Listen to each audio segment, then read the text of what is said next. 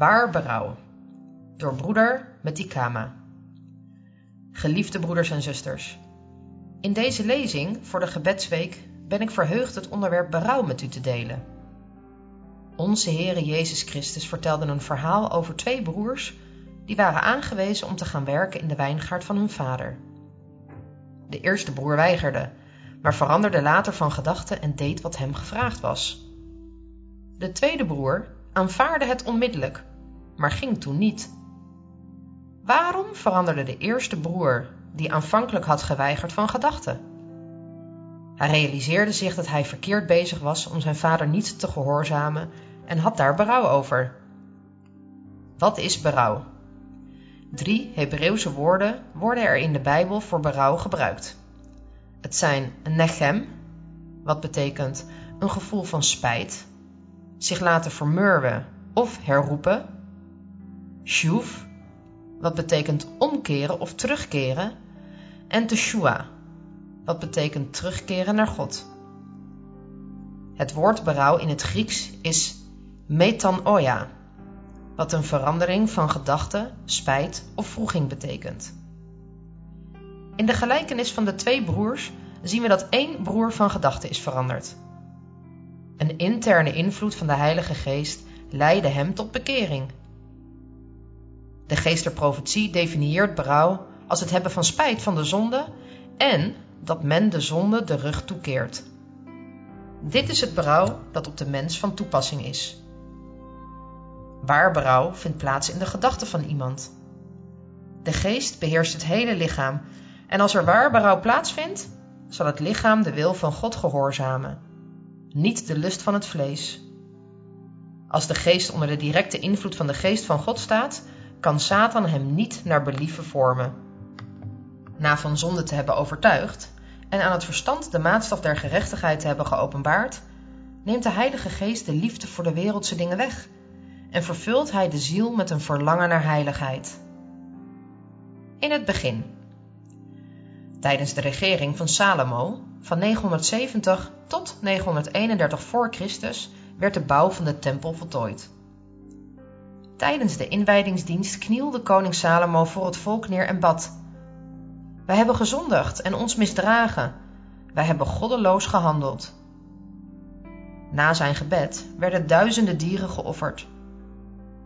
Hoewel het bloed van dieren nodig was om vergeving van zonde te verkrijgen, heeft God geen behagen in brandoffers en offers. Zij waren slechts een voorstelling van het ware offer dat zou komen. De patriarchen, de profeten, de martelaren van de rechtvaardige Abel keken uit naar een komende heiland en ze toonden hun geloof in hem door offers en offergaven. In het Oude Testament worden de zinnen keert af van het kwaad en keert tot God dikwijls gebruikt in de plaats van het woord berouw. Bekeer u toch, ieder van zijn slechte weg en van uw slechte daden. Dan zult u eeuw uit en eeuw in blijven wonen in het land dat de Heere u en uw vaderen gegeven heeft. Wend u tot mij, wordt behouden alle einden der aarde. Verzoening door het bloed van dieren was vereist voor zonde. Echter voor de specifieke zonde van godslastering, homoseksualiteit, hekserij, sabbatsovertreding, mensenoffers aan Molech, overspel en afval door het aanbidden van andere goden werden mensen gestenigd. De veroordeelde zondaars konden om vergeving vragen, maar hun pleiten moest vergezeld gaan van het bloed van offerdieren. Een geschenk van God. Het ontvangen van een geschenk hangt niet af van iemands wensen of handelingen. We willen misschien graag iets ontvangen, maar wat er wordt gegeven hangt af van de gever en niet van de ontvanger. Aan de andere kant zijn alle geschenken kostbaar in de ogen van de gever. Veel mensen waarderen niet wat ze ontvangen en wensen altijd iets meer. God gaf het kostbare geschenk van zijn eigen zoon aan onze verloren wereld, om ons tot berouw en bekering te leiden, maar velen waarderen dat geschenk niet. Bekering, evenals vergeving, is het geschenk van God door Christus.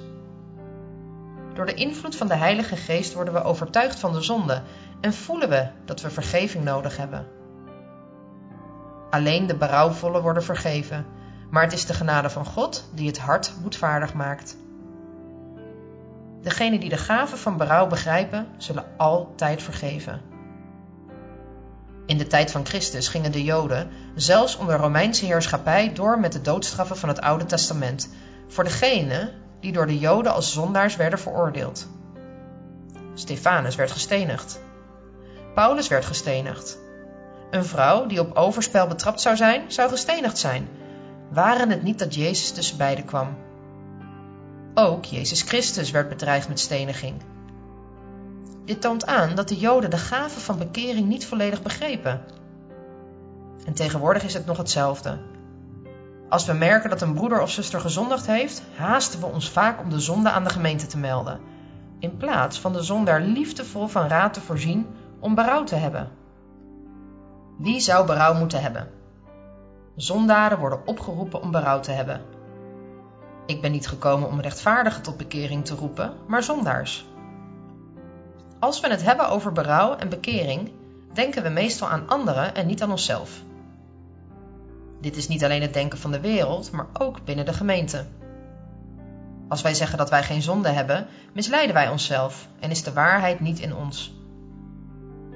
Dit vers gebruikt de enkelvoudige vorm van het woord zonde en verwijst naar Gods wet overtreden. Vanwege de ongehoorzaamheid van onze eerste ouders, Adam en Eva, hebben we hun zondige natuur geërfd en ook de gevolgen van zondige praktijken. Dus als we zeggen dat we niet gezondigd hebben, maken we God tot een leugenaar. Wij mensen zondigen dagelijks door onze fouten en misstappen, die in de ogen van God als zonde worden beschouwd. Salomo zegt: Voorzeker, er is geen mens rechtvaardig op de aarde die goed doet en niet zondigt. God vermaant ons echter om niet door te gaan met zondigen. Hoe kunnen we dan stoppen met zondigen? Het is door waar berouw en God om leiding vragen, door de hulp van de Heilige Geest die ons onze fouten en misstappen laat zien. Satan is niet blij als mensen oprecht berouw hebben. Zacharias' beschrijving van Jozua de hoge priester is een treffende weergave van iedere zondaar voor wie Christus bemiddelt. Satan staat aan de rechterhand van de aanklager en verzet zich tegen het werk van Christus. Omdat de zondaar Satan als heerser had gekozen, eist Satan die zondaar op als zijn eigendom. In de profetie van Zacharia wordt Satans beschuldigend werk, maar ook het werk van Christus in het weerstand bieden aan de tegenstander van zijn volk, naar voren gebracht.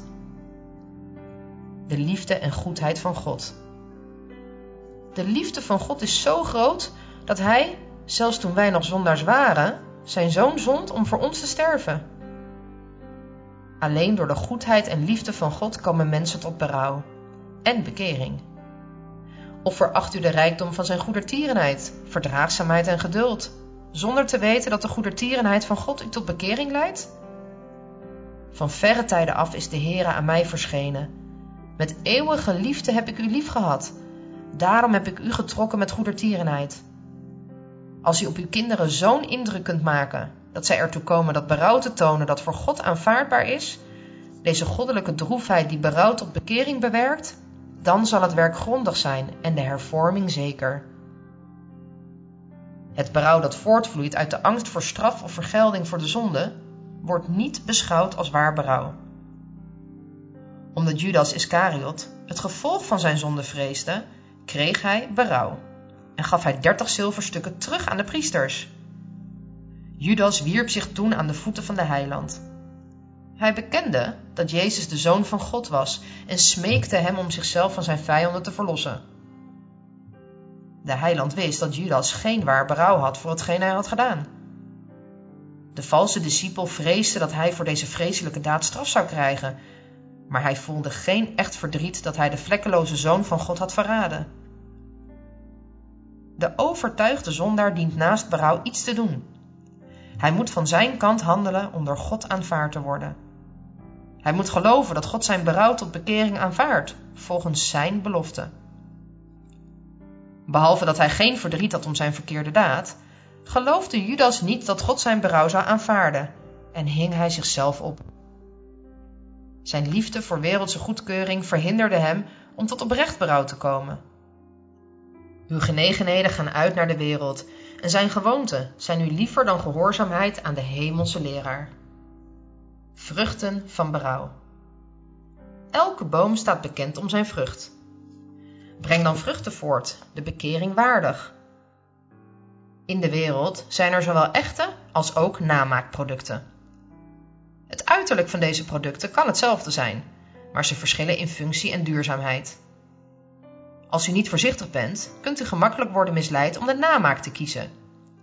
Satan kan mensen ertoe brengen berouw te tonen die echt lijkt.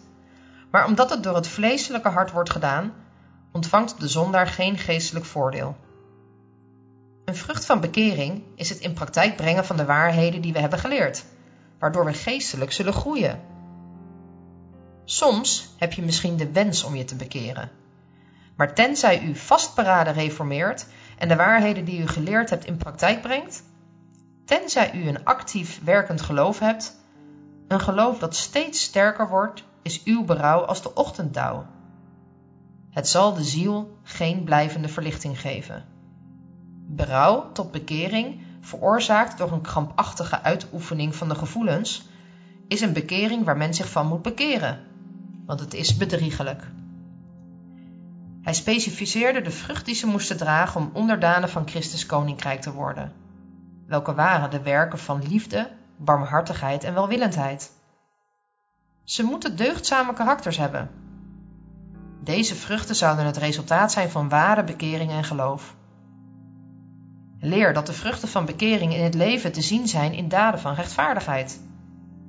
Leer hen om door een leven van geloof en toewijding en vertrouwen op het woord van God als de grondslag van alle geloof, door daden van onzelfzuchtigheid en oprechtheid de reddende genade van Christus bekend te maken. De gevaren van het negeren van de oproep tot bekering. Agan weigerde berouw te hebben en te beleiden.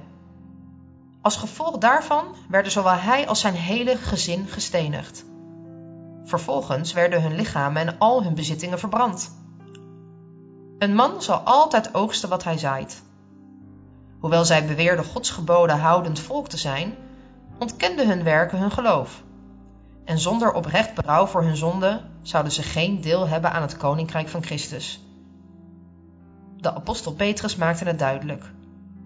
De Heere vertraagt de belofte niet, zoals sommigen dat als traagheid beschouwen, maar hij heeft geduld met ons en wil niet dat enige verloren gaan, maar dat allen tot bekering komen. Daarom dienen wij te beseffen van waar we zijn gevallen en ons te bekeren voordat het te laat is. We behoren niet onheilig of oneerbiedig te zijn zoals Esau, die geen brouw zou hebben. Laat niemand een ontuchtpleger zijn of een onheilige zoals Esau, die voor één enkele maaltijd zijn eerstgeboorterecht verkocht. Want u weet dat hij ook daarna, toen hij de zegen wilde erven, verworpen werd, want hij vond geen plaats van berouw hoewel hij de zegen vurig en met tranen zocht. Wij behoren niet te strijden tegen de Heilige Geest, terwijl Hij ons uitnodigt om ons te bekeren. We zouden niet defensief moeten zijn wat betreft onze fouten. Een berouwvol persoon zal niet doorgaan met zondigen. De genadetijd is spoedig ten einde en we hebben geen tijd te verliezen. De tekenen van de wederkomst van onze Heer Jezus Christus zijn bijna vervuld. Degenen die de Heilige Schrift lezen, dienen uit hun sluimering te ontwaken en een vastberaden poging doen om de oproep van berouw tot bekering van de Heilige Geest te aanvaarden. Mogen God ons allen helpen om tot waar berouw te komen, zodat de vruchten van ware bekering in ons dagelijks leven openbaar zullen worden.